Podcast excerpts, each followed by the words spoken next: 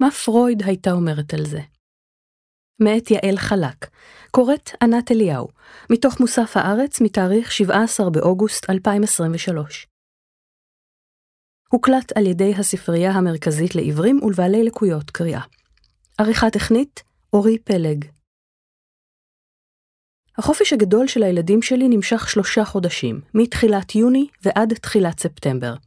ככה זה בבית הספר שבו הם לומדים בניו יורק. זה אומר שגם אחרי שטסנו לפארק הלאומי ילוסטון, אחרי שהם השתתפו במחנה קיץ של חוג ההתעמלות שלהם, ונשלחו לניו-המפשר למחנה קיץ מוזיקלי, אחרי שנחנו בבית ומיצינו את הבריכה, אין סימן לקצה החופש. האמת היא שברגעים אלה ממש, אני יושבת בפארק טרמפולינות. הרעש מחריש אוזניים, והאוזניות מאפשרות לי רגע של שקט כדי לכתוב את הכתבה הזאת. הילדים שלי כבר גדולים יחסית, ובכל זאת, עוד לפני שאני מתעוררת, המחשבות מתערבלות לי בראש. לאן ניסע היום? מה הם יאכלו לארוחת צהריים? האם מספיק לחזור בזמן לשיחת הזום שאחרי שיעור הצ'לו? ומה עם שלושת המאמרים שהבטחתי לשלוח ולא הספקתי לחפש? אבל עוד לפני שאני מתחילה את היום, אני יוצאת לטיול בוקר עם הכלבה. בדרך אני מקשיבה לפודקאסט שבו מדבר יזם צעיר וכריזמטי. הוא מספר כמה חשוב לו איזון עבודה-משפחה, וכדי להדגים הוא מספר שרכש אופניים חשמליים. ככה, הוא מספר, אני חוסך לעצמי זמן בפקקים, ומגיע הביתה 20 דקות לפני שהבנות שלי הולכות לישון. לא הייתי מוותר על הזמן הזה תמורת שום הון שבעולם, ומפני שאני מבין את המשמעות של זה, אני מאפשר גם לעובדים שלי גמישות כזאת. 20 דקות מרוכזות של איכות ומתיקות? צחקתי בייאוש עמוק, מתוך לופ של 24-7, שאני לא בטוחה מתי התחיל ומתי ייגמר. סקר שערכה לאחרונה חברת המחקר והייעוץ Harris Insights and Analytics בקרב יותר מ-4,000 נשים, מצא את הנתונים הבאים 71% מהנשים מרגישות אחראיות לדאוג לכל מה שעשוי להשתבש בהקשר המשפחתי. 74% מהן מסכימות עם האמירה "אני תמיד משנה את חיי" כדי להתאים לצרכים של אחרים. ו-76% מאמינות שנשים הן אלה שנאלצות לשאת בנטל המנטלי הכרוך בתחזוקת בית ומשפחה. 73% אמרו שההורות גורמת להן לתחושת הצפה. אחד הגורמים לתחושת ההצפה הזאת היא הלבד. בסוף אנחנו מוצאות את עצמנו על הספה, עם ילד או שניים או ארבעה מסביב, וערימת כביסה, כשמסך הטלפון ממשיך להציג תמונות מושלמות של אמהות מושלמות, עם ילדים מושלמים, עסוקים בפעילות המושלמת. הפער הזה, אומרת דוקטור נירית גורדון, מעורר בנו תחושות מתמשכות של בושה ואשמה. גורדון, פסיכולוגית שמתמחה בבריאות נפש האישה, פוגשת את האימהות הללו מדי יום. אני רואה את הנשים האלה במקומות מאוד אינטימיים, אלה שעומדים בניגוד לתמונות שהן מעלות לאינסטגרם. כל אחת מהן צריכה לשמוע את זה שלא רק לה נופלים כדורים מהידיים, ושהבעיה היא לא רק בה. וזו בעיה של נשים? יש מאפיינים מסוימים לפסיכולוגיה של אישה, אומרת גורדון, שעוסקת בפסיכולוגיה נשית, גישה שמבקשת להפנות את הזרקור למאפיינים הייחודיים שמעצבים את חייהן, נפשן וקשייהן של נשים. גורדון, שמלמדת באוניברסיטאות ניו יורק, NYU ובן גוריון, מכשירה מטפלות ומטפלים בבריאות נפש האישה. איזו נפש נוצרת כשאת נעה בעולם כילדה לעומת ילד, כשאת הופכת לנערה, לאישה? נשים מתעצבות סביב פרשות דרכים גופניות, הריונות, הפלות, לידות, גיל המעבר. אלה חוויות שרק נשים עוברות. ולמרות זה, אולי בגלל זה, אין מספיק מחקר או הכרה בהשפעות של האירועים האלה על תפיסות החיים שלנו, על הבחירות שלנו או על הקשיים שלנו. פסיכולוגיה נשית או פמיניסטית נולדה מתוך מציאות מדהימה.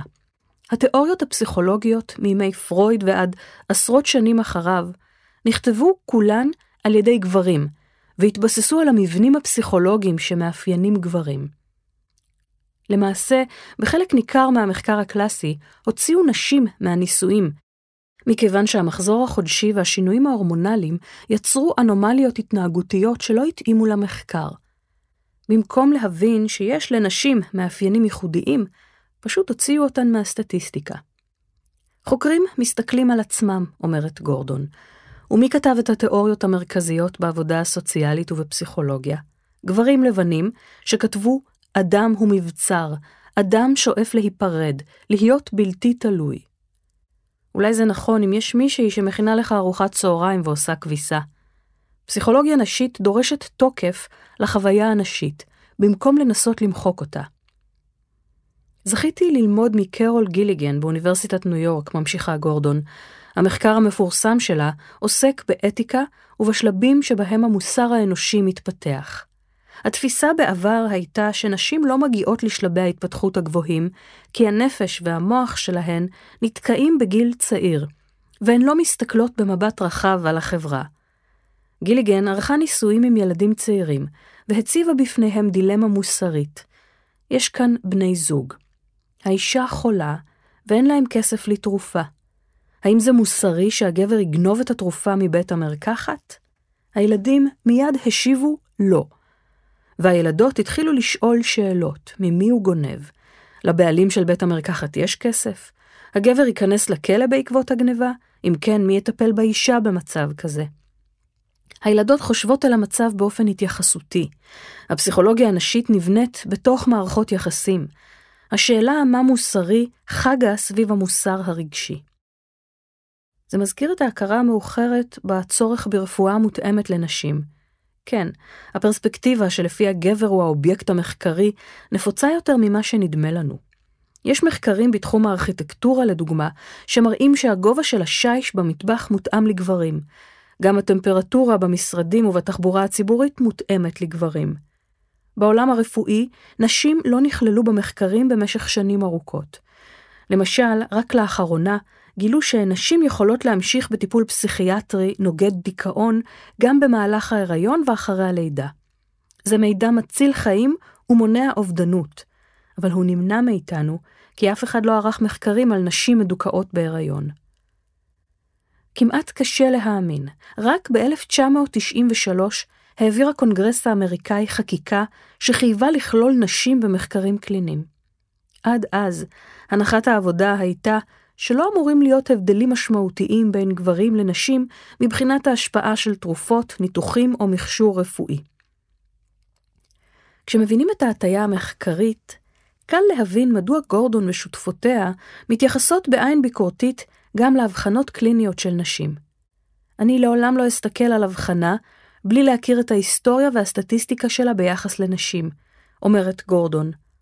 סטטיסטית, 98% מהאבחנות של הפרעת אישיות גבולית מיוחסת לנשים. אני לא יכולה להסתכל על ה-DSM, ספר האבחנות הפסיכיאטריות האמריקאי, כמסמך ניטרלי כשאני באה לטפל בנשים. אני סופר ביקורתית, ומחזיקה את הידיעה שהיה שימוש בכוח האבחנות הללו נגד נשים. באילו אבחנות נוספות יש הבדל ברור בין נשים לגברים?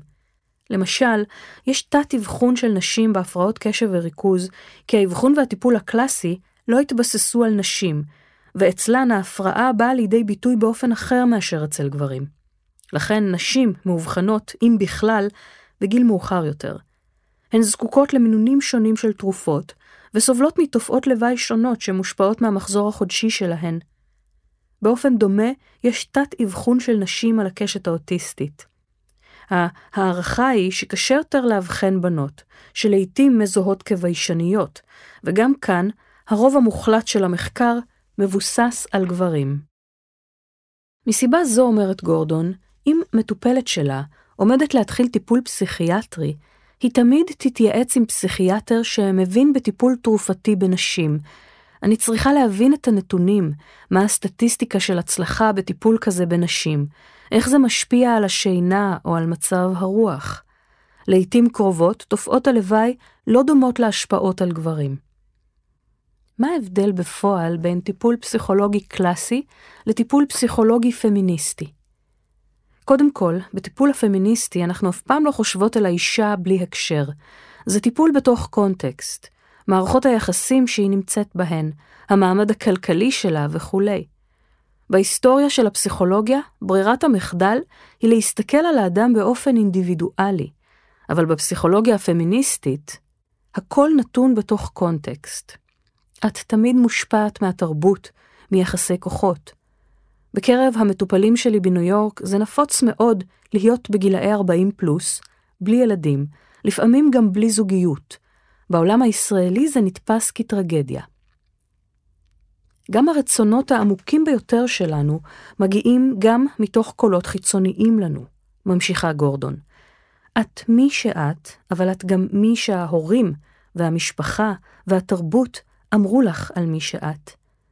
את חלק משכבה כלכלית מסוימת, וזה מעצב את הפסיכולוגיה שלך.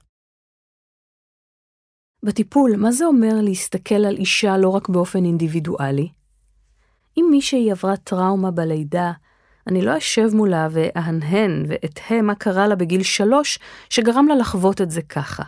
אני אתן תוקף לזה שהמערכת הרפואית הייתה לא בסדר, ושאולי היה גזלייטינג רפואי, ובסיטואציות מסוימות מאוד אני יכולה אפילו לשתף את המטופלת שגם אני עברתי טראומת לידה. הפסיכולוגיה הפמיניסטית מוכנה לשבור את המוסכמות. וזהו המאפיין המשמעותי הנוסף של הפסיכולוגיה הנשית. יצירת מערכת יחסים שוויונית בין המטפלת למטופלת ושבירת ההיררכיה ביניהן.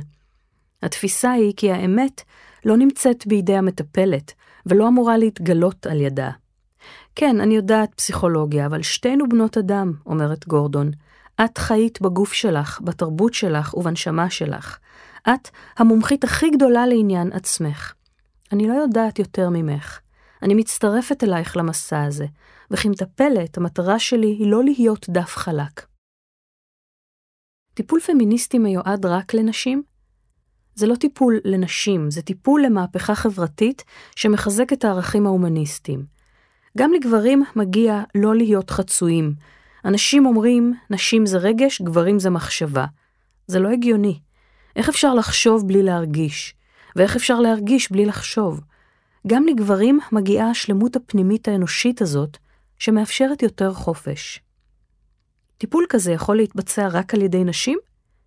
יותר קל לדבר עם נשים, לנשים, לילדים וגם לגברים. המחקרים מראים בצורה ברורה שגם גברים וגם נשים מרגישים יותר בנוח עם נשים כמטפלות. האם התוצאות טובות יותר? לא ראיתי מחקרים חד משמעיים.